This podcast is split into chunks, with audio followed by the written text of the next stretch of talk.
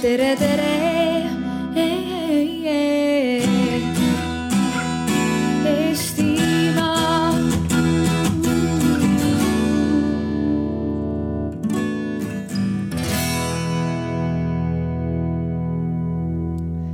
tervist, lugupeetavad.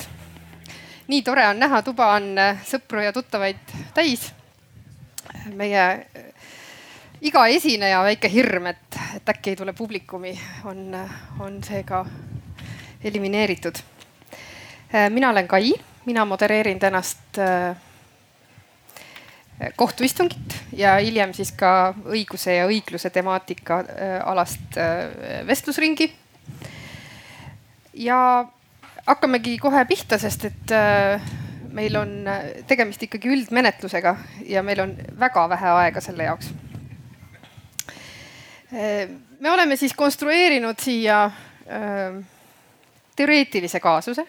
kõik isikud on välja mõeldud, mingisugust analoogiat või, või muud seost päris inimestega, päris kaasustega ärge otsige ja kaasus on eluline, kaasus on midagi sellist, mis aeg-ajalt meie igapäevaelus ikkagi jälle ja jälle üles kerkib, eelkõige siis ajalehe pealkirjade pealt loodetavalt, aga mõnel inimesel ka, kes siin kaunis vabaõhusaalis istuvad, ilmselt ka igapäevatöö seisukohast. Meil on tegemist äh, kriminaalmenetlusega. teadupärast on kriminaalmenetlus võistlev menetlus. Ehk siis meil on duell äh, prokuröri ja kaitsja väidete ja tõendite vahel ja meil on kohtunik, kes jälgib eelkõige seda, et äh, menetlus oleks viidud läbi ausalt ja õiglaselt meil on vaja siia nagu tavalise kohtupidamise juures kahte rahvakohtunikku publiku seast. aga enne kui te hakkate oma käsi tõstma, kaaluge oma südames, et kas te suudate selle otsuse eh, teha, eh, kas te suudate sellega pärast elada ja enne kui me menetlusega pihta hakkame, siis ma eh, valime teid siis välja. meil on väga toredad osalejad, meil on osalejad, kes kes kõik on selles rollis esmakordselt, ma saan ilmselt öelda. mida nad siin siis etendama hakkavad?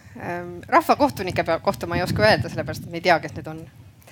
aga meil on süüdistatavad. meil on süüdistatavad Vello Rahapung kes oma päriselus, kes oma päriselus on riigikohtunik Villu Kõve. võta istet, ole hea. Minule teadaolevalt ei, ei ole teda kordagi süüdistatava positsioonis varem nähtud. ja meil on teine süüdistatav, kes on äh, ka esimest korda elus selles äh, rollis Aina Tagaselja ehk Rutt Teeveer, kes on äh, samamoodi kohtunik äh, Tartu maakohtus, paneb pätte kinni igapäevaselt. ole hea, võta istet. Siis on meil selline oluline inimene nagu tunnistaja.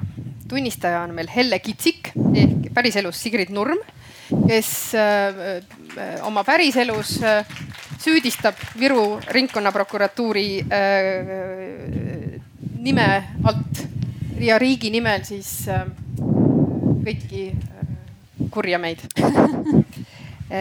ja siis on meil loomulikult kaitsja Kairi Kaldoja, kes on ka äh, igapäevaselt äh, prokurör.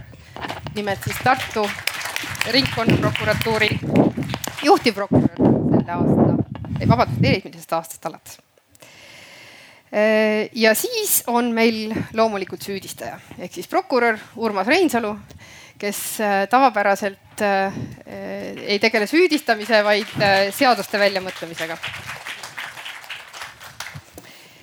Ja viimasena astub saali alati siis kohtunik ja kohtunikuks on meil Paul Keres, kes igapäevaselt on advokaat ja kuna me oleme kõige humaansem kohus maailmas, siis me ei sunni kohtunikku seekord talaari selga panema. nii. kas on keegi jõudnud oma südames selgusele, et ta tahab olla rahvakohtunik? Nii, üks härra sealt, palun. kuulab. nii, ühte on veel vaja, soovitavalt naisterahvast, et oleks võrdne niimoodi tasakaal. kuna asi on kirju, siis ma ütlen, mina olen Kalle Kulbov, kes on mõnikord Riigikohtu jaoks olnud personademokraat nii, aga mõni, mõni. äkki peaks taandama, ta ei ole aga neid, neid äh, menetluslikke taotlusi saab äh, teha loomulikult äh, kaitsja. nii, meil on üks inimene puudu sellest, et saaks kohtumenetlusega pihta hakata. et kui, kui vabatahtlik ei ole, siis ma, siis ma hakkan. no vot, ma ei tea, kui võtame mehe ka veel, no me võtame veel ühe mehe. nii väga hea. kõik osalejad on paigas. kaks sõna sellest kaasusest ka, mis meil, mis meil arutusele tuleb. Helle, Helle on tubli ettevõtja. ja äh, Helle eh, põhiliselt juhib oma ettevõtet kodust, seepärast et ta ei saa kodust väga tihti välja tulla, sest et temal on vanaema, kes on Alžeimeri tõvega äh, kimpus. ja ja eh, tema Rootsi äripartner on teinud just eh, ettepaneku laieneda. ja Helle saab aru, et see on tema eluvõimalus eh, tõesti oma eneseteostusega edasi minna. aga paraku tähendab see ikkagi pikemaid tööpäevi ja tööd ka väljaspool koduseinu ja tal on vaja, et, et tema ema eest hakkaks keegi vähemalt päeva ajal hoolitsema ja, ja Helle uurib maad ja selgub, et äh, selles ühes linnas, kus ta elab, on olemas äh, vanurite või eakate päevakeskus. ja ea, eakate päevakeskust juhib äh, Vello. ja, ja inimesed saavad sinna eakate päevakeskusesse üldjuhul noh, võivad sinna kõik tulla, aga, aga eelkõige lähevad sinna inimesed aina ehk siis ühe linna Sotsiaalkindlustusameti või Sotsiaalkaitseameti juhataja soovitusel. ja Helle panebki oma ema sinna järjekorda ja vaatab, et ohoo, viies, viiendas või viienda inimesena on siis tema ema järjekorras. ja nädal aega hiljem vaatab, et ema on langenud kaheteistkümnendaks ja muutub murelikuks, et, et mis, ähm, mis saab ja läheb Aina jutule. Läheb Aina vastuvõtule ja Aina, Aina selgitab talle, et äh, loomulikult on teenusele saajate hulk väga suur, sest vanu, vanu inimesi on ju meil palju, rahvastik vananeb, kõik muud sellised asjad. ja, mm, ja muuhulgas ta siis ka selgitab, et, et lähedastel on alati häid veenvaid argumente äh, selleks, et Äh, et äh, oma lähedased hooldusele võtta ja et võib-olla kui Vellole selgitada neid veenvaid argumente, noh, mõnikord võib neid olla sada veenvat argumenti, mõnikord võib olla kolmsada veenvat argumenti, mõnikord ka viissada veenvat argumenti. Äh, et kui neid argumente siis niimoodi presenteerida Vellole ja Aina on nõus seda kõike aitama, tega, siis, siis võib-olla see järjekord lüheneb. ja öö, Hellele tundub see jutt kuidagi imelik ja ta läheb äh,, räägib sellest oma, oma heale sõbrale, kes juhtumisi on prokurör. prokurör ütleb, et oot-oot. meie kõrvu on juba varemgi kuulnud, kuulda olnud seda, et äh, midagi kahtlast seal eakate päevakeskuses äh, toimub. ja mm, ühel päeval läheb siis Helle koos kommikarbiga, kuhu sisse on pandud ka mõningad veenvad argumendid äh, paberraha näol. Äh, läheb siis äh, vastuvõtule. kõigepealt läheb Aina juurde, annab talle tänutäheks ühe kalli joogipudeli ja, ja seejärel siis juhatatakse ta juba Vello juurde, kus ta saab siis ära anda oma kommikarbi koos veenvate argumentidega ja ja oh imet ja juba vastuvõtu lõpul ütleb Vello, et tõesti vaatan ja vaatan ja koht on olemas teie emale. Ehm, mis siis pärast saab? Ehm, selle kohta hakkab meile kohe Urmas rääkima meil on aega umbes kolmkümmend viis minutit äh, kohtuistungi pidamiseks. kohtuistungit juhib loomulikult kohtunik. Äh, ja siis meil äh, läheb kohus otsust tegema, samal ajal saab siis ka publikum hääletada selle üle, kas, kas siis mõista süüdi või mõista õigeks. ja siis kuulutab kohus meile otsuse ja siis me saame selle otsuse üle kõik arutleda. aga palun, olge head töötab väga hea. Äh, tere, tere, lugupeetud kuulajad, tere, lugupeetud kohalviibijad. Äh, hakkame siis pihta istungi rakendamisega. kes on meil kohal? kas äh, süüdistatavad on kohal? jah. kaitsja? jah. prokurör? tunnistajad on ka kohal tunnistajad ei tohiks tegelikult saalis viibida asja arutamise ajal aga.... ma ei tea, ma ütlesin küll, et ma ei tuleks ja siis aga prokurör palus, et ma tuleks koos temaga mm.. no eks prokurör juhib menetlust. Aga äh, alustame, alustame siis äh,, alustame siis sellest, et äh, süüdistatav Aina Tagaselja äh,. Teie sünniaeg ja elukoht, palun. Äh, ma olen sündinud äh, tuhat üheksasada viiskümmend kaheksa ja elan äh, Ühelinnas. nii, haridus? kõrgem. kõrgem aitäh. Äh, Vello Rahapung. Teie sünniaeg ja elukoht mm.? Ühelinnas ja äh, haridus? kõrgem, aitäh. nii, äh, võistleva menetluse, võistleva menetluse põhisisu tähendab või noh, põhisisu on tegelikult see, et kohtunik tuleb kohtusaali suhteliselt tühja peaga. ta ei ole asjamaterjalidega enne tutvunud, ta ei tea tegelikult, millest millest üldse jutt käib, ta on näinud ainult, äh, ainult süüdistusakti. ta ei oska kujundada mingit seisukohta, on see nüüd mingi õige jutt või on see mingi täielik möga. Ja esimesena peab kohtuniku alati hakkama veenma süüdistust esindav pool ehk prokurör ja seetõttu ma siis palun, annangi prokurörile sõna. süüdistuskõne teeme umbes äh, kümne minutiga ja kirjeldame seal ka tõendeid, mida nende väidete tõendamiseks teile esitada on, kui on aitäh, austatud kohus, kas ma tohin oma süüdistuskõne istudes ette kanda? absoluutselt. aitäh. Äh, Eesti Vabariik äh, süüdistab äh, siis Vello Rahapunga altkäemaksu võtmises ja Aina Tagaseljat altkäemaksu vahendamises. ning selles, nendest kuriteokoosseisust lähtudes on need seisukoht selle kohta, mida nad on teinud, puudutavalt tõendeid, on see, et Vello Rahapung on munitsipaalaäriühingu Eakate Päevakodu juhatuse liige ja sellega seoses on ta siis ametiisik karistusseaduse paragrahv kakssada kaheksakümmend kaheksa tähenduses. Äh, ning äh, see Äh, äriühing tegeleb siis äh, avaliku teenuse osutamisega, ta annab, siis teenindab ja hooldab eakaid inimesi. ning altkäemaksu vahendamises süüdistatav Aina Tagaselja on selle linna Sotsiaalhoolekandeameti juhataja ja seega ametnik, kelle kureerimise all teise süüdistatava tegevus päevakodu juhtimisel toimub tõendid, mis annavad prokurörile aluse väita, et tegemist on.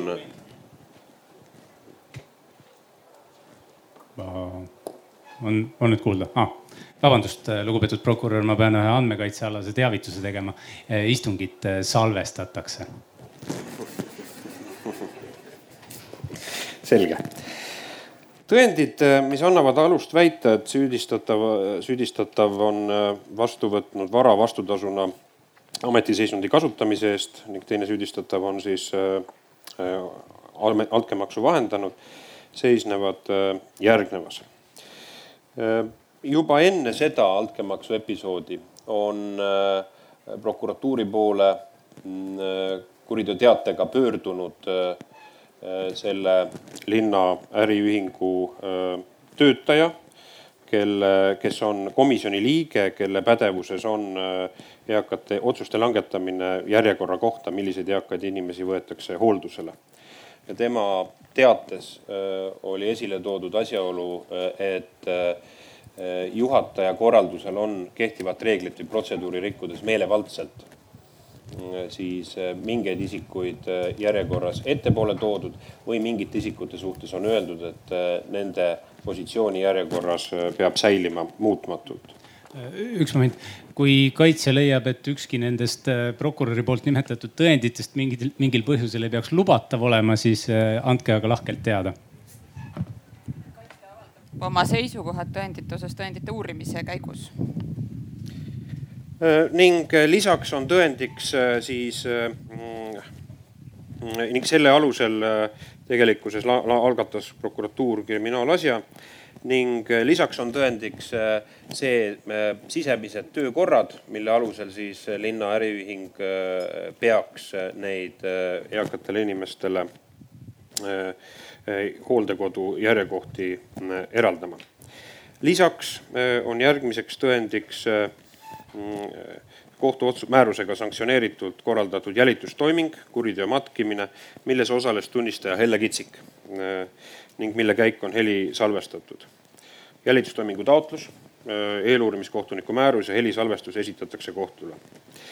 ning nagu seisis juba jälitustaotluses, äh, on Helle Kitsik potentsiaalne aktsiaseltsi klient, kes pöördus prokuröri poole teabega, mis on kriminaalmenetluses oluline ja mille kohta saab ta anda kohtus tunnistusi. selle jälitustoimingu käigus Helle Kitsik andis ja süüdistatavad võtsid vastu vara nimelt äh, Aina tagaselja, konjakipudeli väärtusega sada eurot ning Vello rahapung kommikarbi väärtusega kümme eurot, milles sisaldus viiesaja eurone rahatäht. järgmise tõendina on korraldatud äh, läbiotsimine, mida korraldav prokuröri määrus on esitatud nõuete kohaselt kohtule läbiotsimise toimumisele järgneval tööpäeval ning mille kohus on lubatavaks tunnistanud Äh, läbiotsimise käigus äh, on Vello Rahapunga valdusest leitud jälitustoimingu käigus tema poolt vastu võetud kümne eurone kommikarp, milles sisaldas, äh, sisaldus raha, täht viiesaja euro kupüürina ning samuti on tema valdusest leitud veel muid rahatähti, mida prokuratuuril on alust siduda teiste altkäemaksu võtmise episoodidega.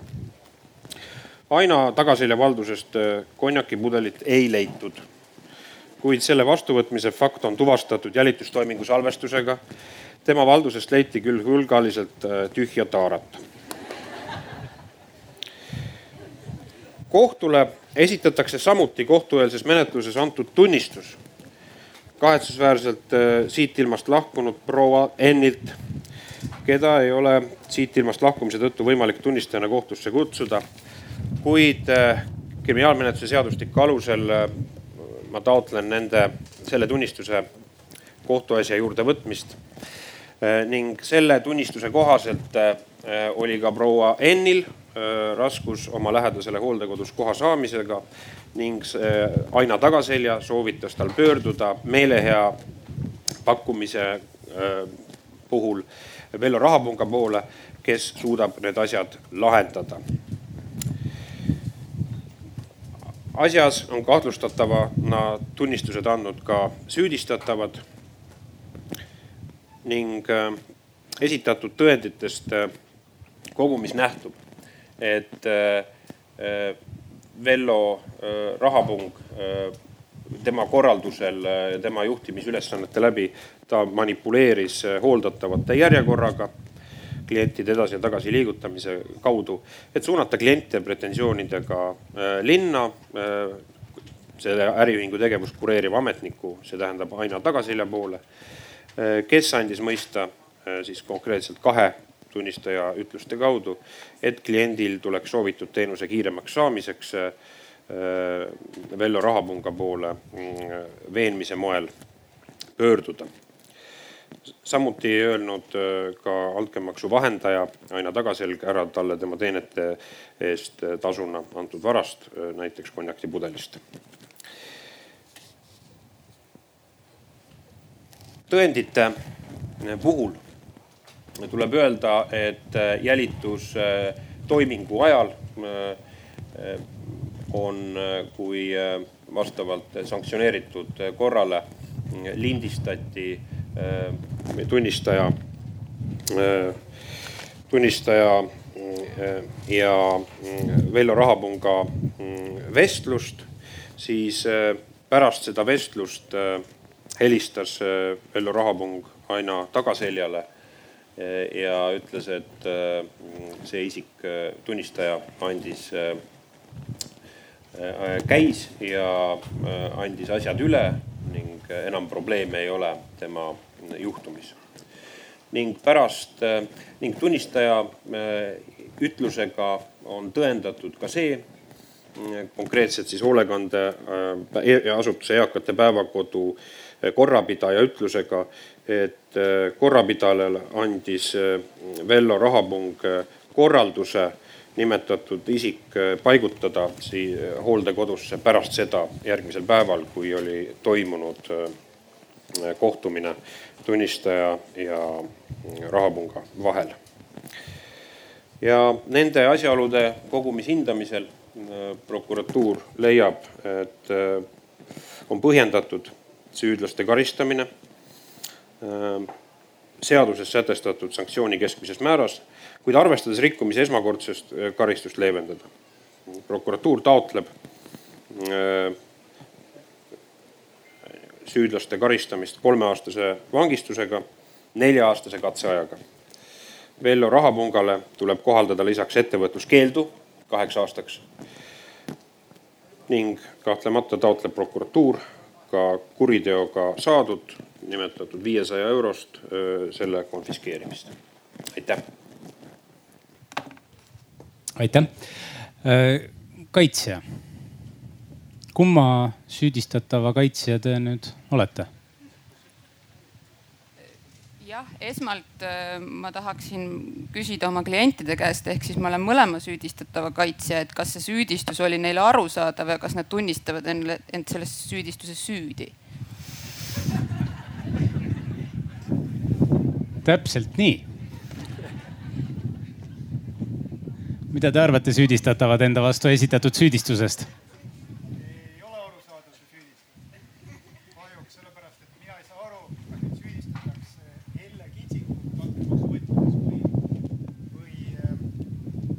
kas mind süüdistatakse Helle Kitsikult altkäemaksu võtmises või mitmete teiste inimeste pealt altkäemaksu võtmises, sest prokuröri jutt käis siia ja sinna niimoodi, minul oli võimatu nagu aru saada, et kellest ta, kelle osas ta mind süüdistab niimoodi.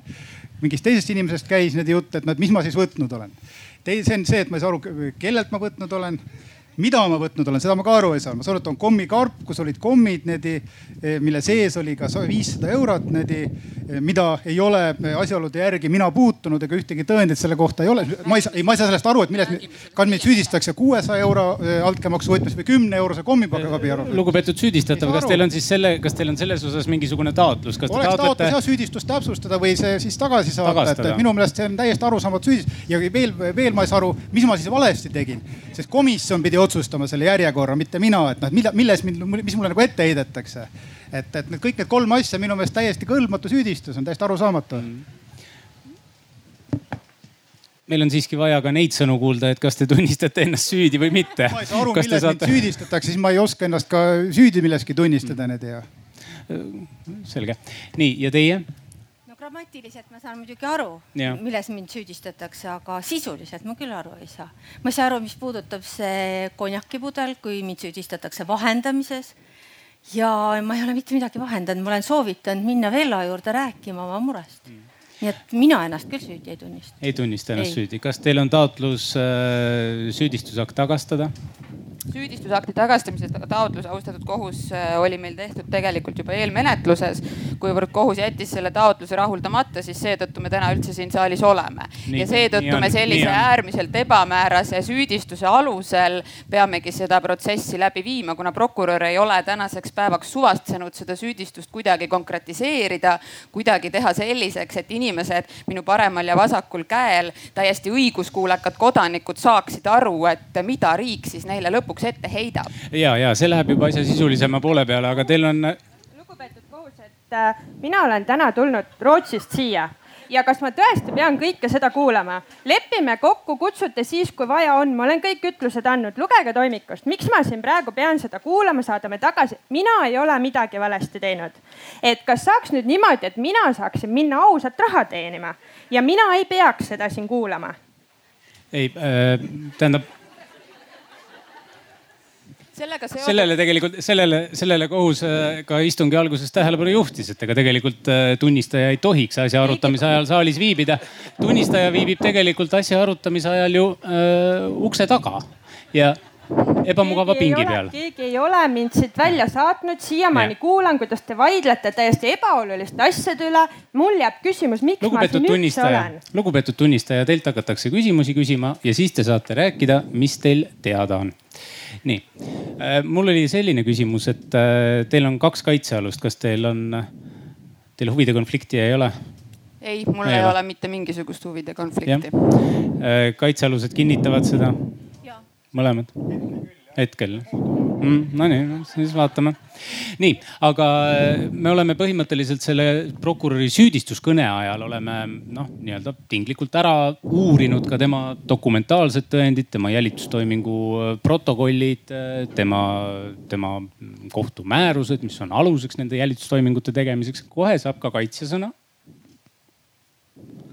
aga isikuline tõendiallikas on ka vaja ära kuulata, niisiis on meil tunnistaja tunnistaja, te eelistate ilmselt anda ütlusi seal, kus te praegu olete? oleks küll tore, ei tahaks ukse taha minna.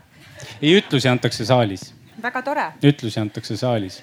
nii. aga kaitsjal on on selline märkus, et, et see, et tunnistaja ütlusi andes istub prokuröri kõrval, ei, ei ole minu arvates kuidagi ausa kohtupidamisega kooskõlas, et, et kuidas kaitse saab olla veendunud selles, sellisel juhul ma palun kohtul veenduda selles, et nad omavahel mingisugust informatsiooni kuidagi erinevatel teabekandjatel ei vaheta. kas te kahtlustate prokuröri selles, et ta võib hakata tunnistajale ütlusi ette kirjutama paberi peal? Ei, mina ei kahtlusta prokuröri mitte milleski, ma palun kohtul tagada aus ja õiglane kohtupidamine, mis on äh, kohtu põhiline ülesanne, ma arvan, siin saalis. kohus tagab. nii moderaator saab ilusti siin vaadata, et nad mingit tättust ei teeks. nii äh,, tunnistaja, teie nimi ehm,? Helle Kitsik. nii, ametikoht? olen eraettevõtja. Äh, ja kus te töötate? Mul on äh, osaühing Sada Häda. Äh, mis on teie haridus? kõrgem. mis on äh, teie suhe kummagi süüdistatavaga? olen kokku puutunud nendega seoses oma emale siis teenuse osutamise tellimisega, et käisin nende juures jutul kummagi süüdistatava isikust tulenevalt ei ole teil alust ütluste andmisest keelduda, mis iganes põhjusel? ma ei saa päris täpselt aru, mida kohus ja. sellega mõtleb. kas te seda kardate, et võite ütlustega iseennast inkrimineerida, süüstada? kas kohus süüdistab mind praegu? kohus ei süüdista ma ei saanud jätkuvalt aru, aga kui kohus küsib, kas mul on lähedasi suhteid kummagi süüdistatavaga, siis kinnitan, et ei ole. ei ole, selge. prokurör, palun, teie küsimused nii, lugupeetav äh, Helle Kitsik, äh, et ma palun teid äh, anda omapoolne ülevaade selle kohta, milli-, mis põhjusel te mm, võtsite ühendust siis eakate päevakoduga ning kuidas, mis asjaoludel teil toimus kohtumine Aina tagaseljaga ja mida, mis selle kohtumise käigus aset leidis ning seejärel ma palun teid kirjeldada oma kohtumist Vello Rahapungaga. Äh, kait-, jah, kaitsjale teadmiseks lihtsalt, et kohus omal algatusel äh, suunavaid küsimusi ei kõrvalda jah, seda ma eeldasingi, mistõttu ma soovisingi teha selle küsimuse kohta kohe kommentaari. et ristküsitlus juba päris palju aastaid toimub meil konkreetsete küsimus-vastus, vastusvormelitena. ehk siis see küsimus, mis tegelikult koosnes omakorda kümnest või rohkemast alaküsimusest, kahtlemata ei vasta ristküsitluses esitatavale küsimuse nõuetele. mistõttu ma palun kohtul paluda kaitsjal seda kas konkretiseerida või siis see maha võtta mm.. Äh, prokuröril, vabandust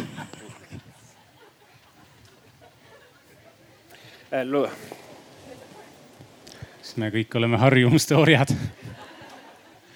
Äh, palun, prokurör, lühikeste avatud küsimustega. aitäh, tuletan meelde advokaadile, et seoses kohtuniku kiire graafikuga on meie istung kolmkümmend minutit. aga minu esimene küsimus on äh, siis tunnistajale. piirame kolme küsimusega. jah, minu esimene küsimus on tunnistajale selles, et äh, kas äh, Aina Tagaselja kohtumine, mis leidis aset teie kohtumisel Aina Tagaseljaga? ausalt kohus, tegemist on suunava küsimusega, me pole üldse küsinud ju äh, seda, kas ta on üldse kohtunud Aino Tagaseljaga. teate, teeme nii, et mina ja, kohus, tahan tööle kohus, tagasi minna, minul ei ole lugupeetud tunnistaja, lugupeetud tunnistaja, kõigepealt me lahendame selle menetlusliku taotluse. Äh, kohus lubab seda küsimust küsida.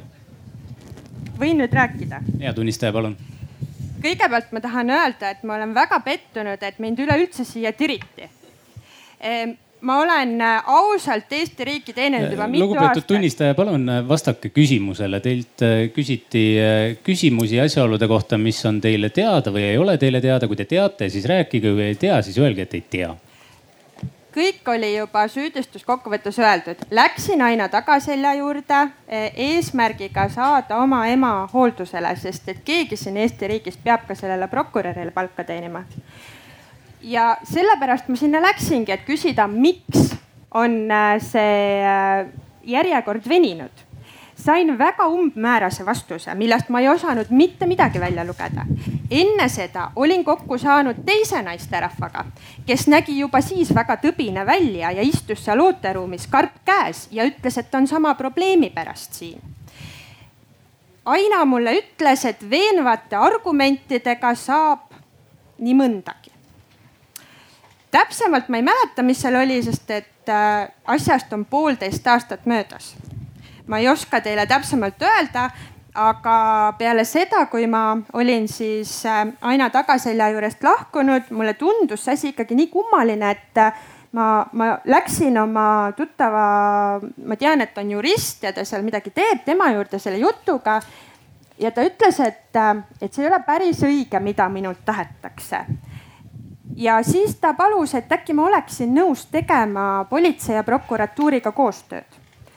Ja nüüd on see viinud selleni, et ühelinna on nii väike, et mulle vaatavad kõik kõrdi. ja nüüd ma pean siin andma ütlusi, mis ma olen juba eeluurimises andnud kas ei saaks neid asju kohtule anda tunnistaja, ja mina saaksin minna tööle? räägime, räägime ikka asjast. no ühesõnaga, kui ma olin selle jutu ära rääkinud, siis anti mulle see karp mis seal sees oli, ma ei tea selleks, et välistada, et mina kuritegu toime paneks, nad võtsid mult sõrmejäljed, nad võtsid mult DNA, mul läks kaks tööpäeva raisku. ja siis kolmandal tööpäeval läksin ma Vello juurde, kellele ma siis oma mure ära rääkisin, selle karbi andsin ja ega siis tühja käega ei saanud ka ainast mööda minna, temale ma võtsin konjaki, mis oli ka kokku lepitud kust need tulid, kelle poolt mina ei tea, need anti mulle seal ukse taga, politsei poolt kätte. Mis seal sees oli, mina ei tea. üle ma need andsin, emale koha sain, ema on siiamaani seal hooldekodus ja ma ei saagi aru, et äh, miks ma siin täna olen, et mina olen kõik teinud õigesti, riiki aidanud ja nüüd olen ma siin ja pean järjekordse tööpäeva siin raiskama. prokurör, järgmine küsimus, palun, on teil? jah et äh, minu järgmine küsimus puudutab seda, et äh, teie, et nagu te viitasite, te kohtusite Vello Rahapungaga ja andsite talle üle selle eseme, mis teile siis menetlustoimingu käigus Äh, politseiametnik andis. austatud kohus, prokurör paneb taas tunnistajale sõnu suhu, et kui me sekretärilt palume nüüd selle. ja aitäh, täiesti, täiesti õige jah, prokurör, palun avatud küsimustega. jah, et kas teie mm, mis teie, mida teie arvasite, mis põhjusel Vello Rahapung tegelikult langetas otsuse või mõjutas siis aktsiaseltsi Eesti Päevakodu töötajaid teie emale mm, teie ema järjekorras ette tõstma. austatud kohus, taas kommentaar, tunnistaja isiklik arvamus ei saa kuidagi olla meil tõendamise aseme asjaolu, mille kohta tunnistaja saab ütlusi anda. tunnistaja hinnangud äh, ei puutu üldse asjasse ei no ma võin sellele kohtu vastata. on, kohtu arvates võib, kohtu arvates küsime, mis siis, mis siis tunnistaja teab? nagu ma juba olen kohtule selgitanud, et mina ei tea, mis oli selle karbi sees, mis minule anti. ja nagunii oli minu ema seal äh, järjekorras. miks selline otsus langetati, seda tuleb Vello käest küsida aitäh, tunnistaja. prokurör, kas teil on veel küsimusi? ei ole. ei ole. Äh, kaitsja ristküsitluseks teile võimalus. ma arvan, et teeme natukene rohkem küsimusi, sellepärast et kui noh, kui küsimused on lühikesed ja ja, ja, ja, ja sellises teises küsitluse vormis, siis, siis neid võib olla äkki kuus või seitse. aitäh, austatud kohus minu esimene küsimus teile on see, et kas te, kas prokurör võttis teiega ühendust enne kohtuistungit? Vot sellest ma tahtsin ka siin rääkida. kõigepealt ma teen riigiga koostööd ja siis ma saan sellise kutse, kus mind ähvardatakse sundtoomisega kohtusse, kui ma kohale ei tule. tunnistaja, tunnistaja, palun vastake jah või ei. võttis, saatis kutse. aitäh, aitäh Eh, kas ta võttis ka isiklikult teiega ühendust või ainult kutse teel? helistas ka. mis ta seal kõnes teile rääkis? et kohtusse peab tulema, muidu sundtoodakse. Eh, kas prokurör täpsustas ka selle asja sisu, et mis asjaoludel kohtusse tuleb tulla? Eh, me rääkisime sellest, mida mina olen eeluurimisel uurijale juba rääkinud, ehk siis minu ütlustest. täpsustage, mida tähendab me rääkisime no kui prokurör mulle helistab, siis me omavahel rääkisime. kas teie rääkisite prokurörile, mis te ütlesite või prokurör ütles teile, mis te ütlesite? no see on nagu normaalsete inimeste vaheline vestlus, tema küsis, mina vastasin.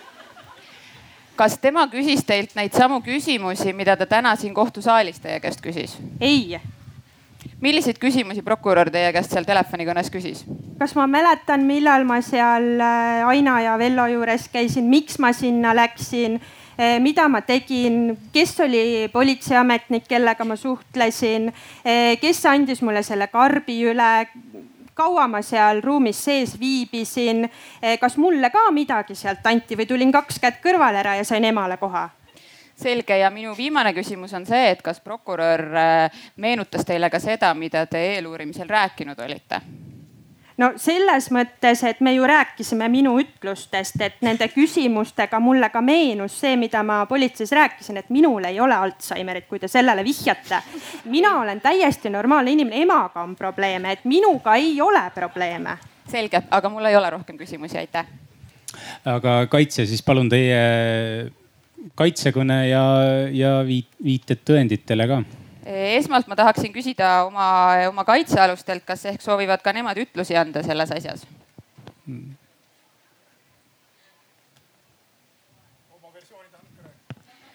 selge, mis tähendab, et kahjuks me ei saa vist mööda ka ja. süüdistatavate küsitlemisest.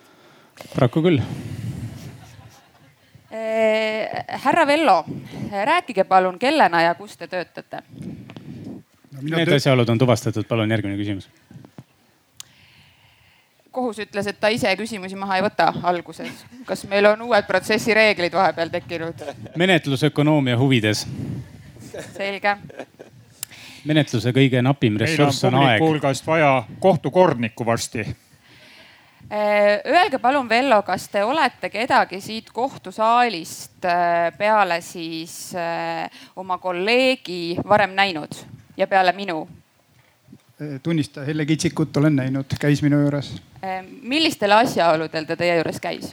tema käis kurtmas eh, selle üle, et, et tema ei saa oma eaka emaga hakkama nüüd.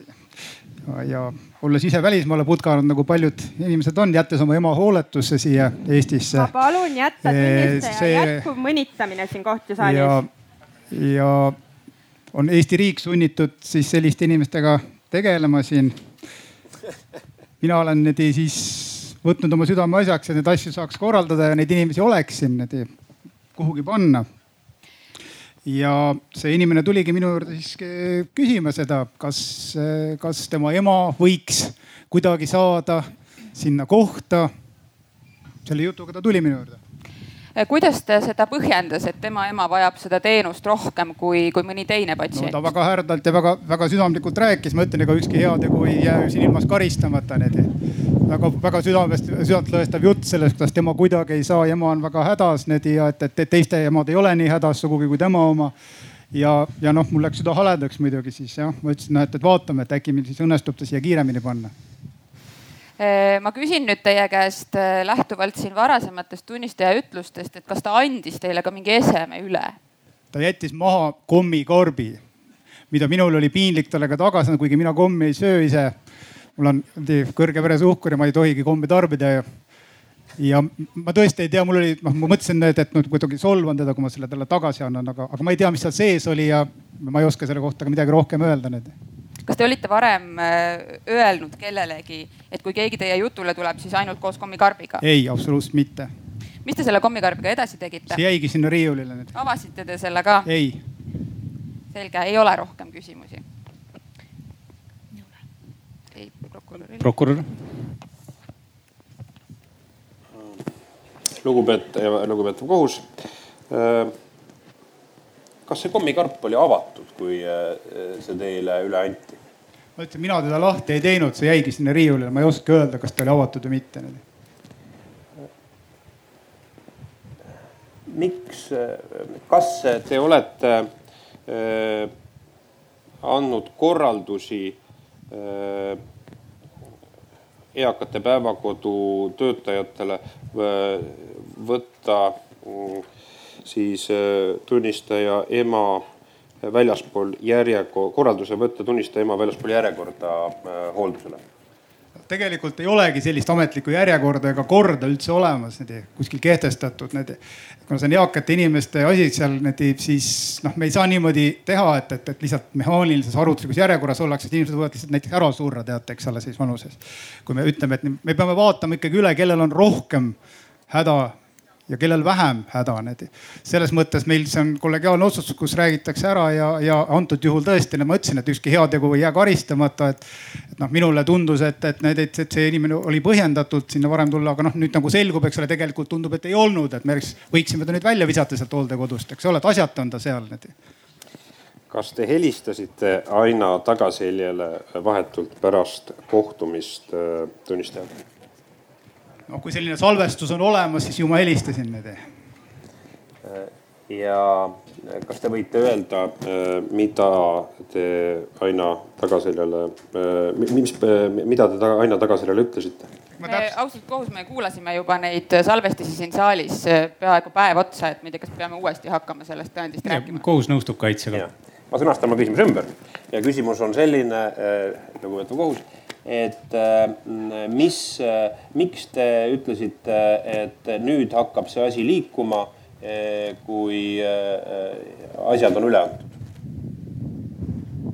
kui jutt on üle antud, tema käis, rääkis minule niimoodi oma, oma jutu ära, niimoodi, see oligi üleandmine. siis ma kordan veel kord, et mina sinna karpi ei ole vaadanud ega mina teadnud, mis seal sees on kommikarbi eest kedagi järjekorras ettepoole küll ei tõsta, et seda võite küll kindlad olla nii, äh, kohus peab nüüd äh, piirama küsimuste arvu tulenevalt peamisest menetluse napist ressursist ehk ajapuudusest.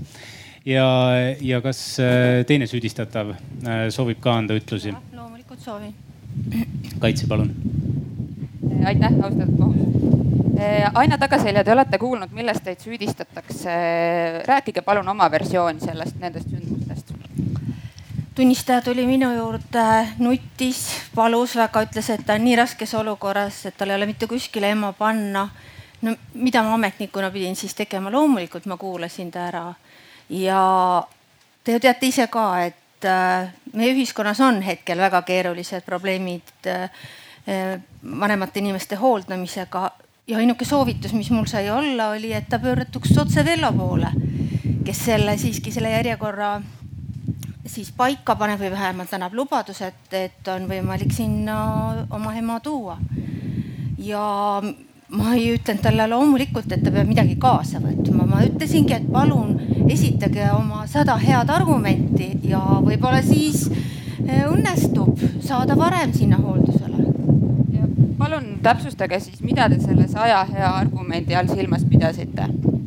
inimesed on ju kõik erinevad, olukorrad on erinevad eh, ema võib olla tõesti sellises raskes seisundis, et tema kodune hooldamine ei pruugigi üldse võimalik olla. ma palusin kõik see ära rääkida, ka rääkida seda, et äh, ta ei saa, lihtsalt ei ole võimeline teda kodus hooldama. Äh, mis edasi sai? edasi. kas te kohtusite tunnistaja Hellega veel? ja tunnistaja tuli ühel päeval, ma täpselt ei mäleta, mis päev see oli. Tal oli kilekotis mingi asi kaasas, mille ta andis minu kätte ja marssis edasi Vello kabineti poole. ma panin selle kilekoti riiulile ja juhatasin, kus Vello kabinet täpsemalt on, rohkem ma ei tea midagi. mis seal kilekotis sees oli, kas ma vaatasid? ma ei tea, mis seal oli. ja, ja mis sellest kilekotist edasi sai? ma ei tea ka selle kohta midagi. kui siin räägiti mingitest pudelitest, siis äh, mulle jääb täiesti arusaamatuks, milliseid pudeleid on prokuratuur uurinud ja, ja protokolli kandnud. ma ei mõista seda. ja minu viimane küsimus teile on see, et kas te konjakit joote? ei. aitäh. prokurörist küsitlus või noh, teie küsimused? jah, aitäh. Äh, minu küsimus on selles, et äh, kas kas te ko olete kohtunud siit ilmast lahkunud äh, proua Enniga? ma ei oska, ma arvan, et ma võisin temaga kohtuda, aga ma täpsemaid asjaolusid küll ei mäleta Pro,. proua Enni äh, esitatud äh, tunnistuse alusel, proua Enni enne esitas väite, et äh, oma tunnistuses Äh, et äh, te tegite ettepaneku. kuulge, mulle tuleb meelde, ta oli üks väga vana proua ja ma arvan, et tal ei olnud mõistusega kõik selge. et see, mida tema rääkis, no mina küll seda ei usuks. ja ma arvan, et, et ka Vello võiks seda kinnitada, et täie mõistuse juures see proua küll ei olnud. Äh, proua Enni tunnistuse järgi olite te raskes joobes sellel kohtumisel. ma ei oska kommenteerida seda minu järgmine küsimus puudutab seda, et äh, miks äh, Vello rahapung äh, siis jälitustoimingu käigus helisalvestatud äh, lindi järgi e teatas teile, andis teile ülevaate, et, et ta paneb asja käiku, kuna asjad on üle antud kohus Aina Tagaselja ei saa kuidagi vastata küsimusele, miks Vello rahapung midagi tegi. nõus jah, prokurör, palun järgmine küsimus ja viimane küsimus. jah, eh, küsimus puudutab seda, et eh, teie eh, läksite isiklikult ja saatsite tunnistajad Vello rahapunga juurde koos selle konjaki kilekotiga enda käes. Mida te Vello rahapungale ütlesite Äh, siis tunnistaja kohta, äh, et miks ta peaks. esiteks ma ei ole nõus sellega, et ma läksin selle kilekotiga, ma ei, just ennist ütlesin, et ma panin selle riiulisse ja selle edasisest saatusest ma ei tea midagi. ja Vello juurde ma, Helle või tunnistaja palus, et, et ma viiksin tema kabineti ukse taha, sinna ma ta juhatasin, rohkem ei öelnud midagi aitäh, nii ja nüüd meil on äh, tegelikult äh, jällegi selle napi ajaressursi tõttu, meil on aega ainult äh, kaitsekõneks kaitse poolt. lõppsõna ja lõppsõna kumbki süüdistatav kahjuks täna ei saa. mul on kaasistujana üks oluline küsimus, kas konjakipudel oli Eesti maksumärkidega või oli Läti päritolu? on selle kohta tõendeid? Äh, prokuratuuri andmete, meil ei ole õnnestunud seda konjakipudelit äh, leida. Äh, läbiotsimise käigus proua Tagaselja valduses. nii, kaitse palun.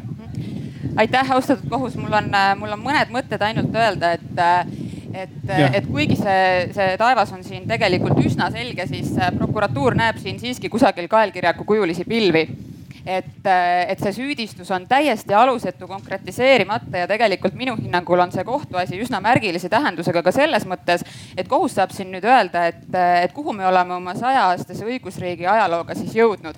kas olukorda, kus aitäh ja palun on kriminaalkorras karistatavad või siis olukorda, kus ikkagi peaks domineerima terve mõistus. kui me räägime nüüd täpsemalt äh, nendest, äh, mida prokuratuur tahab nimetada tõenditest, siis tõendeid tegelikult ei ole mitte ühtegi otsest tõendit selle kohta, et minu paremal ja vasakul käel istuvad äh, ausad kodanikud oleksid toime pannud kuriteo. Äh, kõige raskema rikkumise, mida ühes õigusriigis on võimalik toime panna, ei ole mitte ühtegi otsest tõendit kui prokurör räägib siin sellest, et läbiotsimise käigus on midagi saadud ja see protokoll ja see kõik on hästi õigesti ja seaduslikult vormistatud, toimetatud, siis nii see teps mitte ei ole läbiotsimisest läks prokurör eeluurimiskohtulikuna teatama ülejärgmisel päeval. seadus sätestab väga selgelt, et seda tuleb teha järgmisel tööpäeval. Ehk siis äh, kõik läbiotsimise käigus saadu tegelikult äh, on saadud õigusvastaselt, on saadud seadusrikkumise teel, mis tähendab, et tõendina kohus seda arvestada ei tohi. Samamoodi jälitustoimingutega kogutud tõendid, me teame seda kõik, et prokuratuur jälitab kõiki ja jälitab kõikides asjades ja täiesti ebaseaduslikult ja nii ka selles asjas, see asi ei ole mitte mingisugune erand. kui me vaatame neid jälituslubasid ja neid taotlusi, siin on täiesti põhjendamata ultima ratio põhimõte. ehk siis see, et miks ei saanud tõendeid teiste menetlustoimingutega koguda. ehk siis ka need jälitustoimingutega kogutud tõendid tegelikult on täiesti ebaseaduslikult saadud, tuleks ka sellest juba olematust tõendi kogumist välja arvata ja, ja, ja tegelikult ega järgi ei jäägi suurt rohkem mitte midagi, mistõttu mina leian seda, et mitte millegi pinnalt inimesi süüdi tunnistada ei tohi. Ja õigusriigis see kindlasti lubatav olla ei tohiks lisaks, kui kohus seda kõike arvesse ei peaks võtma, on mul taotlus ka selle asja mõistliku menetlusajaga lõpetamiseks. see asi, see menetlus on siin kestnud juba täiesti ebamõistliku aja, ütles meile ka tunnistaja. kolmkümmend viis minutit juba. et üks koma, üks koma viis aastat on eh, menetlus eh, kestnud, ehk siis poolteist aastat on menetletud ühte konjakipudelit ja ühte kommikarpi. et Äh, et mina ei taha elada sellises õigusriigis, kus prokuratuur menetleb ühte konjakipudelit poolteist aastat, mistõttu on mul ka taotlus selle kriminaalasja mõistliku menetlusajaga lõpetamiseks. Äh, mõistetavalt taotlen ma oma kaitsealuste õigeksmõistmist ja menetluskulude kogu ulatuses riigi kanda jätmist lugupeetud kohus, et mina tahaks ka küsida, et mul on siin need sõidutšekid Rootsist, et kellele ma need esitan? prokurör ütles, et riik maksab mulle selle kinni, kust ma selle raha saan? ma ei tea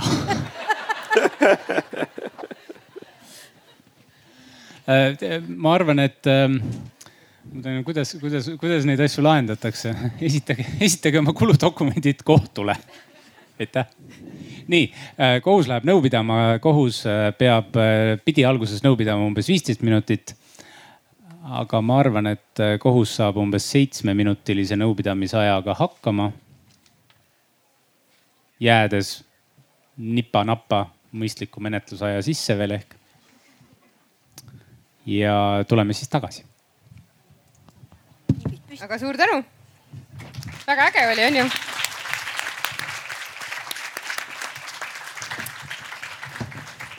nii, kes ütleb, et kohtus nalja ei saa? kuigi vist äh, igapäevaselt päris nii palju vist ei naera inimesed kohtus ähm,. niikaua, kuni kohus teeb otsust terve seitsme minutiga äh,, niikaua äh, saab lugupeetud publikum ka hääletada. ehk siis, kas süüdi mõista või õigeks mõista.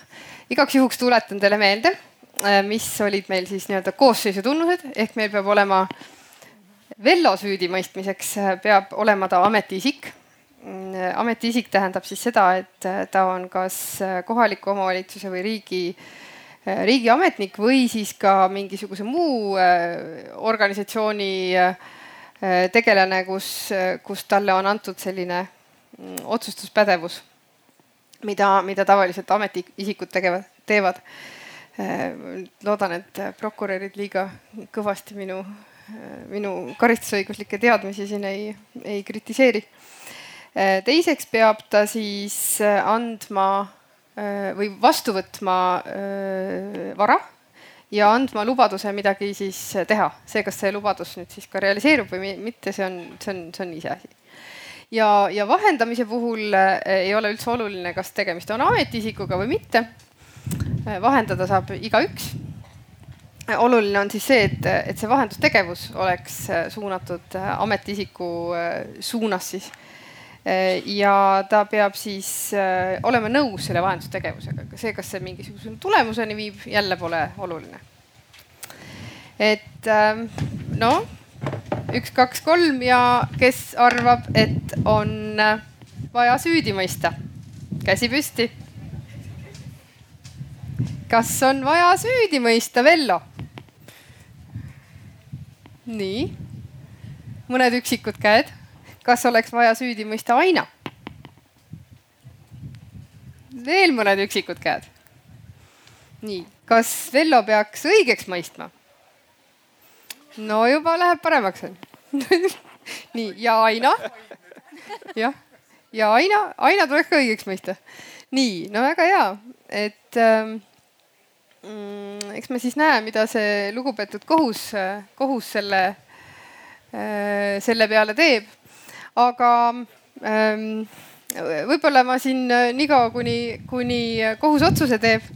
Äh, meie süüdistatavad said nii vähe sõna, et noh, aga küsiks seda, et mis tunne on olla siis sellises positsioonis kohtu, kohtusaalis. mikrofon, ole hea, võta. mina ei ole kriminaalkohtunik ja ma olen advokaadina ka viis aastat töötanud, nii et ma saan hakkama küll, nii et tuleb paindlikult läheneda ja kunagi ei tea elus, mis roll järgmine on, eks ole nii, ma loodan, et nüüd proff. see muidugi ma loodan. ja, ja me kõik loodame seda.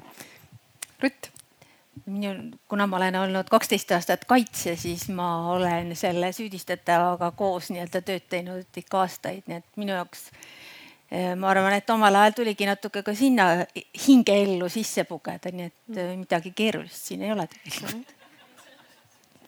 nii ja meil oli väga sõnakas tunnistaja, kes eh, tubli maksumaksja ja. jah, ma pean tunnistama, et mul on endal ka au olnud olla kriminaalmenetluses tunnistaja positsioonis ja tegelikult äh, ma saan inimeste pahameelist prokurat-, prokuröri vaatevinklist aru, sest et ega seal puldis väga mõnus ei ole seista. et see ristküsitlus, mis täna siin oli suhteliselt tagasihoidlik mingis suures kriminaalasjas, võib olla päris ründav ja ja seda kõike seal tavainimesena teha, ega see ei ole väga meeldiv. ja sellepärast ma saan aru sellest tõrksusest, miks äh, inimesed sageli ei ole väga altid kohtusse tunnistusi andma tulema aga siinkohal ma tahaksingi öelda, et tegelikult see õigusriik, mida me loome, et see ju käibki läbi meie enda. ehk siis seda õiglust ei saa luua mitte keegi teine kui me ise ja kui me ei ole nõus selle eest võitlema ja ka tunnistajana tuleme ütlusi andma, et siis, siis ei lähegi midagi paremaks. et ma tean, et on raske, aga tuleb teha. nii, Urmas, sinu muljed oma uues rollis no mul oli õpipoisi roll, mul ei ole aastaid prokuröri ja kohtunikul olnud, et mul oli esimene kohtuistung elus aga ma, ma ütlen nõnda, et ühelt poolt tundus, et ta on niisugune noh, nagu me filmidest oleme näinud, on need asjad niisugused mängulised, eks ole, kus on, kus on vastaspooled. aga tegelikkuses kogu selle asja mõte on ikkagi otsida tõde üles, otsida üles see, mis tegelikult juhtus. ja see on on siis selle kogu selle näiliselt väga keerulise, väga pika protsessi mõte ja see, et kui tõesti on räägitud sellest, et menetlusajad noh, paljudes tõsistes asjades on veninud. ega tegelikkuses selle menetlusaja või menetlemise aeg on tegelikkuses seesama tee, kust jõutakse väga noh, teinekord väga keeruliste toimingute kaudu just nimelt selleni, et saab öelda, et on olemas faktid, on teada faktid ja nende faktid saavad muunduda või muutuda tõenditeks. et ega Eesti, ma ütlen, et menetlusosalised Eestis, et äh, prokurörid, kohtunikud, kaitsjad. et iseenesest on meil, ma arvan, väga kõrge tase Eestis, et äh, rahvusvahelise õigusriigi indeksi järgi oleme maailmas kaheteistkümnendal kohal. ja meist eespool on noh riigid, mille skp on kusagil seal inimese kohta kaks-kolm vähem korda vähemalt kõrgem, et äh, selle ühiskondliku ressursi järgi, palju me paneme sellesse õigusemõistmise toimimisse, võime öelda, et meil on väga toimiv õigusriik. väga hea ja siis kaitsja ma saan aru, et äh, vahepeal lõi prokuröri veri, veri niimoodi ikka korraks üle, aga. Jah, aga eks see, see rollist väljatulek või see enda teise kingadesse panemine tegelikult tuleb väga palju kasuks.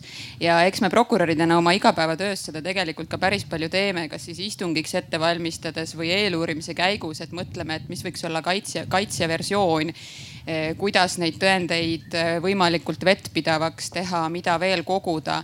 ja, ja tegelikult ka, ka kogumegi ju õigustavaid tõendeid, mis on prokuratuuri ülesanne tavapärane kohtueelses menetluses et aga, aga selles mõttes see asjade nägemine teise pilgu läbi on hästi oluline ka selleks, et kõikide menetlusosaliste õigused oleksid oleksid tagatud ja kõik menetlusosalised tunneksid ennast saalis nii mugavalt, kui sellises olukorras üldse võimalik tunda on. ehk siis, et tunnistajale oleks selgitatud enne protsessi võimalikult palju seda, mis seal saalis toimuma hakkab, milline see välja näeb milliseid küsimusi võidakse temalt küsida, et tegelikult seadus seda kõike võimaldab teha nii prokuröril kui kaitsjal enda tunnistajaid ette valmistada, mitte neid siis mõjutades ühte või teist eh, vastust küsimustele anda. aga just, et neil oleks seal saalis eh, tunne, et neid endid ei süüdistata, nagu, nagu Sigrid siin vahepeal ju tundis vaid et nad tõesti saavad kaasa aidata õigusemõistmisele ja, ja tegelikult ka õiglase kohtuotsuse tegemisele. et et, et, et seda me püüame prokuröridena kindlasti igapäevaselt teha ja, ja õnnestub see vahepeal paremini, vahepeal halvemini, aga kindlasti tunnistajate, kannatanute ja tegelikult ka süüdistatavate õigustega me väga palju arvestama nii peame, kui seda ka reaalselt teeme. nii, aga vaatame, kas see kohus on siis selle õiglase kohtuotsuse siin juba valmis saanud ja kuigi tavapäraselt vist käib äh, kohtuotsuse äh, kuulamine püstijalu, et siis äh, äkki täna meil ikkagi lubatakse siin erandkorras istuda. kohus palub ka võrdset kohtlemist.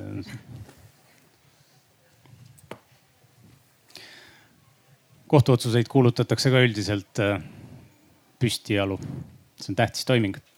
aga nüüd kohus pidas Sirmi taga nõu ja mida me seal arutasime, on nõupidamissaladus.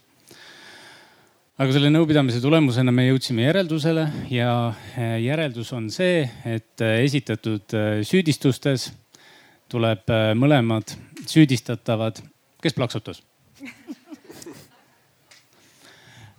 tuleb mõlemad süüdistatavad õigeks mõista. ja, ja sellel on paar põhjust esiteks tõenditest, tõendite formaalsest küljest. Äh, jälitustoimingut ei taha Sessinatse kohus siin äh, lubada ja kohus põhjendab seda sellega, et äh, antud juhul tõepoolest tuleb nõustuda kaitsjaga, et ultima ratio põhimõtet ei ole ilmselt järgitud. kuigi kaitsja seda täpsemalt ei selgitanud, miks kaitsja nii arvas, siis äh, vähemalt võib siin oletada, et kui tegemist on äh, nagu selline huvi, kui tegemist on huvipakkuva isikuga, huvipakkuva asutusega, kus on palju kahtlusi, siis äh, tõendite kogumine muul viisil kui jälitustoiminguga on ilmselgelt võimalik järelikult peab seal olema ju palju äh, selliseid vanureid, kes on äh, eelisjärjekorras sisse saanud äh, veidikene ebaausal viisil. ja seetõttu peaks olema ka päris palju tunnistajaid, näiteks nende nende eestkostjaid või nende lapsi või keegi, kes peaks omama noh, teavet selle, selle, selle, selle korra kohta, kuidas sinna sisse saab ja, ja kõigepealt enne seda, kui me lähme selle kõige repressiivsema tõendi kogumise viisi kallale, tuleks need lihtsamad üle äh, üle vaadata ja vaadata, kas me, kas me selle alusel ei saa minna ja, ja siis, kui see on ammendatud, siis me äh, lähme alles nende karmimate võtete juurde. et kohus äh, ei pea äh, jälitustoimingu protokolli luba, lubatavaks tõendiks. teine asi millest äh, kohus lähtus, on see, et ähm, kuigi süüdistatavate ütlusi tuleb võtta teatava noh, mm, noh niimoodi skepsisega, sellepärast et süüdistatavad võivad valetada, süüdistatavatel äh, tõe rääkimise kohustust ei ole või noh, on, aga neid ei saa selle rikkumise eest vastutusele võtta. siis äh, meie võtmetunnistaja siin tegelikult ei saanud eriti aru, mida ta tegemas käis. nimelt altkäemaksu andmine ja altkäemaksu vahendamine Äh, tuginevad äh, sellisele õiguslikule kategooriale nagu ekvivalentsusseos. et mõlemale poolele peab olema arusaadav, et nüüd äh, tähendab, et, et on jõutud kokkuleppele hüve üleandmises või hüve on üle antud ja et sellega on seotud mingisugune ametialane tegu. ükskõik kuidas süüdistatavaid, süüdistatavate ütlusi tõlgendada, siis süüdistatavad kumbki ei saanud aru, et neile midagi pakutakse.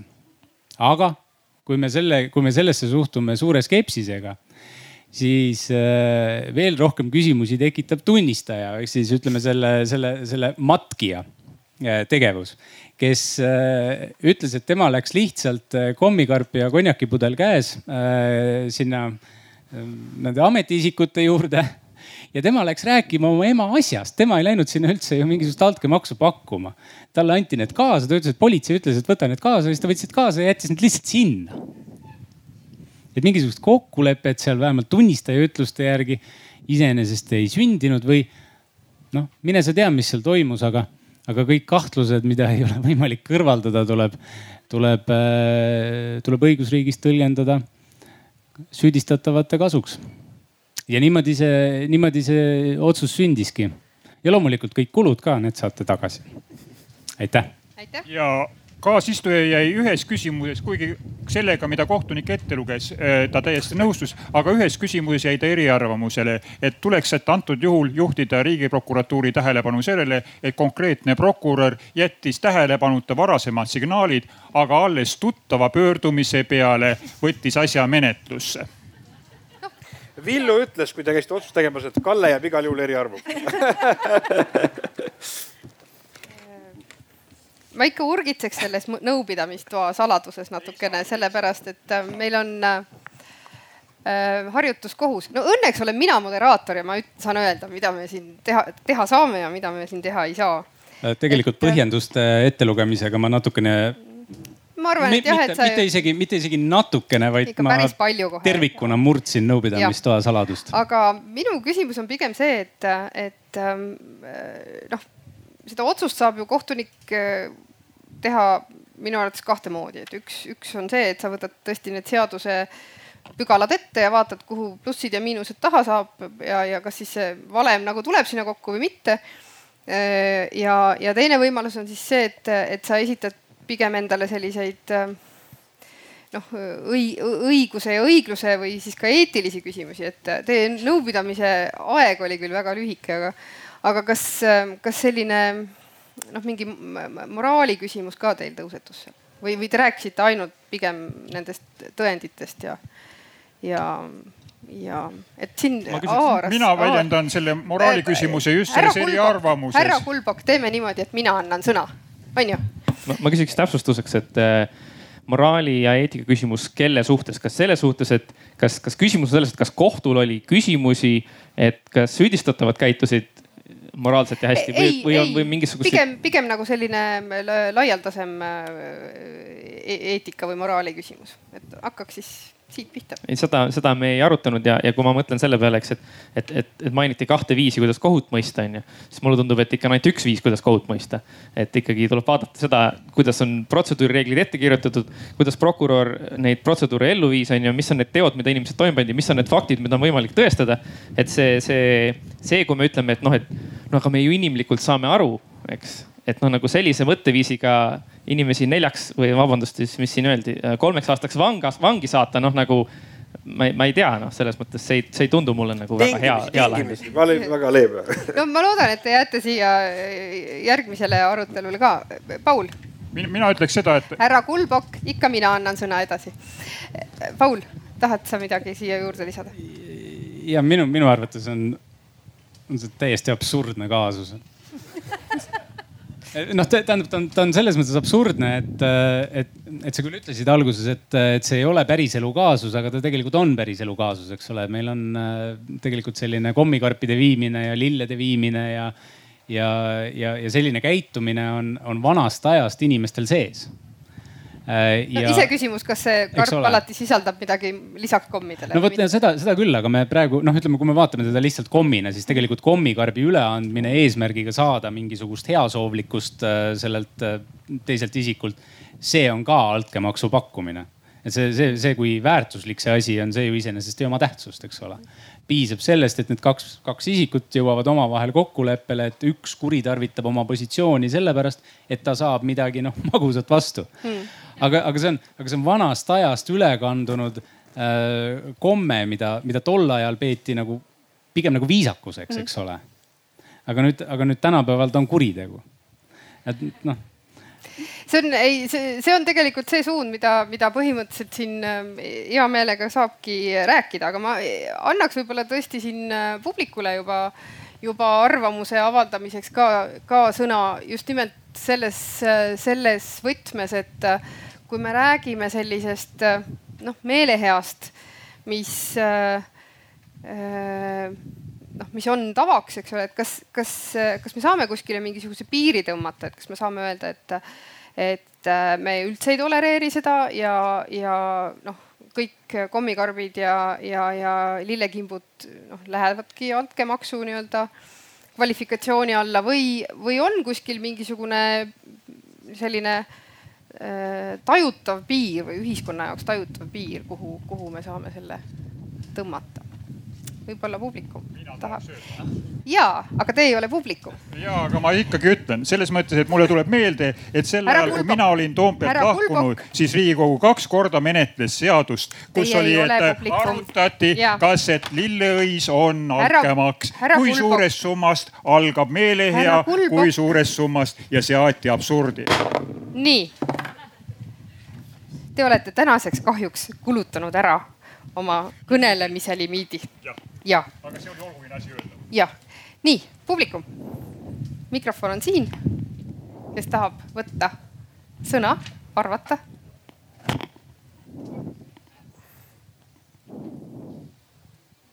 tervist, rahvas, mina olen Roland siin räägitakse nendest samastest kommikarpidest, lilledest, kõigest muudest hüvedest, aga võib-olla see on traditsioon, mis on juurunud rahvale sisse nii sajanditega, võib-olla kümnete, kahekümnete aastatega. Ja kuidas siis niiviisi traditsioone rikkuda, võib-olla see inimene, kellele ma selle karbi annan lilledana, ta lihtsalt sümpatiseerib mulle ja ma ei taotlegi mingisugust, mingisugust hüve talt. Kui tema hinges võib-olla midagi äh, jõnksatab ja ta ise tahab mulle mingit hüve pakkuda, on see hoopis teine situatsioon. Nii et eh, ma ei tea, kas traditsioone maksab rikkuda kuhu me siis tõmbame selle traditsiooni piiri, et? ei tõmbagi piiri. ei tõmbagi piiri. laseme loksuda asjadel. okei okay.. Eh, muuseas, eh, põhiseadus ütleb sihukest asja, et Eesti riik on rajatud siis vabadusele, õiglusele ja õigusele. sõnade järjekord on just selline. tähendab, õiglus on eespool õigust. õigus on inimestevaheline kokkulepe. Ei ole trehvanud ühtegi kohtuotsust, mis ma olen lugenud või tutvunud, et oleks äh, kohtuotsus välja kuulutatud tuginedes õiglusele. kuis nii? õiglus on eespool põhiseaduses, õigus on tagapool. sellest me aga... räägime kella äh, viisteist kolmekümnest. no aga võiks algust teha juba ehk aga me äh, võib-olla veel mõni arvamusavaldus nende traditsioonide kohta ma võiks kommenteerida, kui lubatakse. ja palun. ma viskaks siukse sarkastilise vastumärkuse, et äh, vanasti oli ka töö juures traditsioonid, et äh, meesülemused suhtlesid füüsiliselt teatud viisil oma naissekretäridega, et see oli ka traditsioon, et milleks traditsiooni muuta, ega nad midagi halba ei mõelnud, eks. et noh, see on siukene. aga Urmas, sina kui äh, ütleme siis selle äh, riigipoolse üks poliitikakujundaja selles valdkonnas. Mis, mis sina ütled selliste traditsioonilise käitumisviisi kohta? Äh, võtame selle kaasuse, mõtleme hetkeks, et tegelikult, kes on selles juhtumis, võiks olla nõnda nagu laiemas plaanis ohver.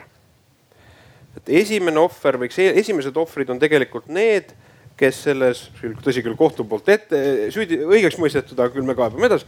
et on, tegelikult on need ausad inimesed ju, kes, kelle, kes jäävad järjekorras sabasse, vaieldamatult, eks ole. Teine ohver laiemas mõttes on seesama õigluse kategooria, on tegelikult ju äh, riik, kes peaks käituma erapooletult, õiglaselt, noh neid hooldekodukohti jagamas nende kokkuleppeliste reeglite alusel, kui selgelt nad paigas on või ei ole.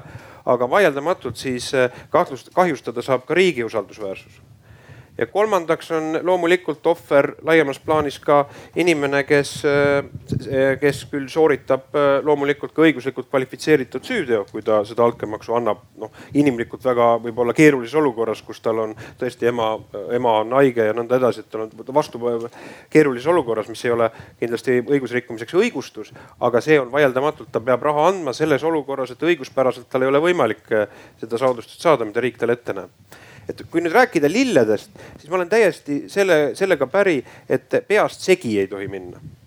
et kahtlemata võib tõlgendada ka seda, et politseinik et kui ma annan nätsupadja või ühe jenki nätsu politseinikele, et siis ta, kas seda tõlgendada nõnda, et ma siis kiiruse ületamisest pääsen, et. et ma usun, et formaalselt ongi nii, et rahalist piiri ei ole, kui on varaline väärtus, pai ei lähe arvesse ja musi, aga varaline väärtus läheb arvesse. nüüd on selge see, et ma arvan, see, mida äh, härra Keres ütles, on tegelikult see ekvivalentsus et mida me mõistlike tehiolude korral loe, loeme selle soodustuse puhul, võiks olla see varaline vaste. siin on kahtlemata inimeste, selle defitsiidikeskkonna inimeste arusaamad võivad olla erinevad, aga seda tulebki nii hinnata. et loomulikult ma pean tunnistama, et noh, seda asja hinnates, et kui tegemist oleks olnud kümne eurose kommikarbiga, siis seda me ilmselt ei loeks selliseks ekvivalentseks asjaks, võiksime tavamõistuse järgi mitte lugeda. või samamoodi, kui inimene annab seda kolm nelki et tõepoolest tuleb tunnistada, et neid juhtumeid ma meie süüdistuse praktikast ei tea, et lilled kui altkäemaksu ese, kui ei ole just tohutu orhideebuketid tuhandetes kogustes. nii et ma arvan, et siin äh, tähtis ongi see, et mis on see eesmärk, mille nimel asi antakse ja tegelikult on see, et kas saadakse vastu hüve. nii publikumist siin.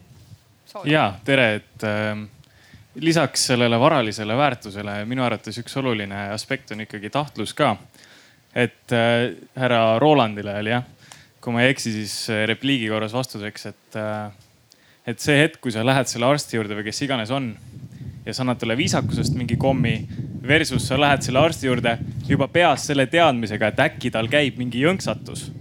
noh, siin on juba vahe, onju.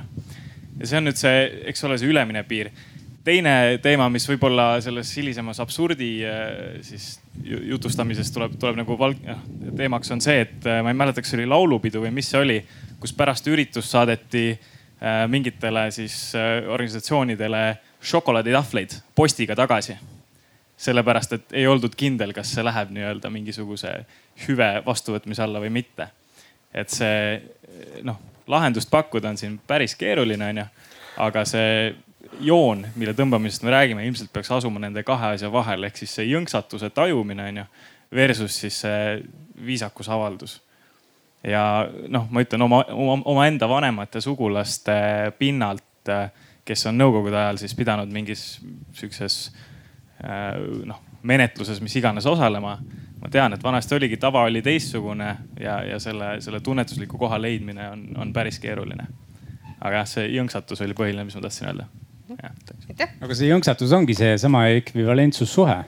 et kui see jõnksatus käib ära selle pakkumise saamise tulemusel, siis seal see ekvivalentsussuhe tekibki.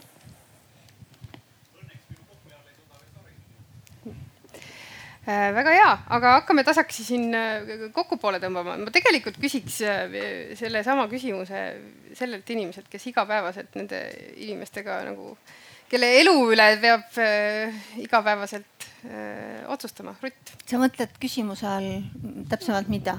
noh, sedasama arutelu, mis siin, mis siin meil äh, on olnud, et kas äh,, kas selline traditsioon, kus, kus on see piir, kus see traditsioon muutub muutub Äh, selliseks teoks, mis ei ole enam ühiskonna poolt tolereeritav. siin täiesti tänase kohtunikuga nõus, et, et see peabki see, see, see ekvivalentsus tuleb hinnata. aga, aga ma tahaks juhtida tähelepanu ka, et me selles konkreetses kaasuses räägime ju tegelikult millestki, mis on millegi tagajärg. tagajärg on ju selle tõttu, et, et lihtsalt ei ole neid kohti. paljude asjadega elus, seal, kus tekib see soov seda altkäemaksu anda või vahendada, seal on kuskil mingi puudus ja selle puuduse paraku tihti on tinginud äh, riik läbi oma vähese tegutsemise. et ma ei taha, ma ei taha õigustada, aga ma tahan öelda, et äh, me läbi riigi tegemata jätmiste paneme inimesi väga rumalatesse olukordadesse ja, ja kohtunikuna on teinekord ikka väga raske. Sa saad aru, et formaaljuriidiliselt sa pead ta süüdi mõistma, aga inimlikult sa, sa ju mõistad teda. see on see õige ja õiglane. Villu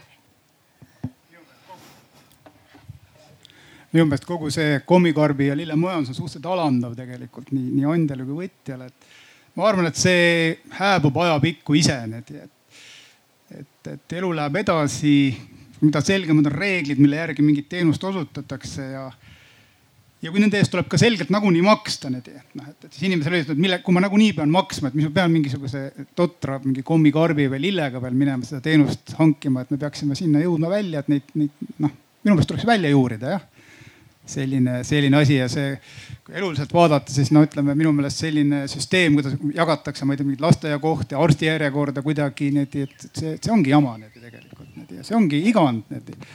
et, et, et sellest, sellest tulebki jagu saada niimoodi. Aga see aitabki reeglid ja, ja, ja see, et inimesed ise maksavad asjade eest rohkem minu meelest niimoodi ma sain aru, et kaitse tahtis ka veel viimase sõna öelda, nagu kavaks on meil või tavaks on meil kohtuistungil. Ja ma tahtsin natukene kommenteerida seda väärtuse teemat ka, et, et siin ei peagi olema mitte mingisugust varalist väärtust ja tegelikult mina leian seda, et mida väiksemas summas seda altkäemaksu antakse, tegelikult seda, seda suurem võib olla see ebaõigussisu selles teos. et seda rohkem see inimene kes selle soorituse selle väikse summa eest teeb, tegelikult rikub äh, seda usaldust mida rahvas, mida ühiskond, mida tema organisatsioon on, on talle omistanud. et, et selles mõttes ei peagi olema mitte mingisugust piirmäära, mingit summat, küsimus ongi selles, selles sisemises tunnetuses. Ja, ja tegelikult me me ei saa sellel põhjusel lasta asjadel edasi minna omasoodu, et aga kogu aeg on niimoodi tehtud ja kogu aeg on niimoodi olnud. Mingi aeg tagasi oli võib-olla täiesti normaalne, et inimene jõi ära kaks õlut ja istus pärast seda autorooli. Et, et tänasel päeval on meie hulgas väga vähe neid, kes peavad seda normaalseks käitumiseks ühiskonnas. Et need väärtused, need hinnangud, need tõekspidamised tegelikult peavadki muutuma ja, ja meie oleme need, kes seda tegelikult äh, muuta saavad. Väga hea, aga äh, õigusest ja õiglusest me räägime juba poole tunni pärast siin uuesti. Mina tänan kohtuistungi osalisi, rahvakohtunikke ja publikumi ka. ja suur tänu ja nautige festivali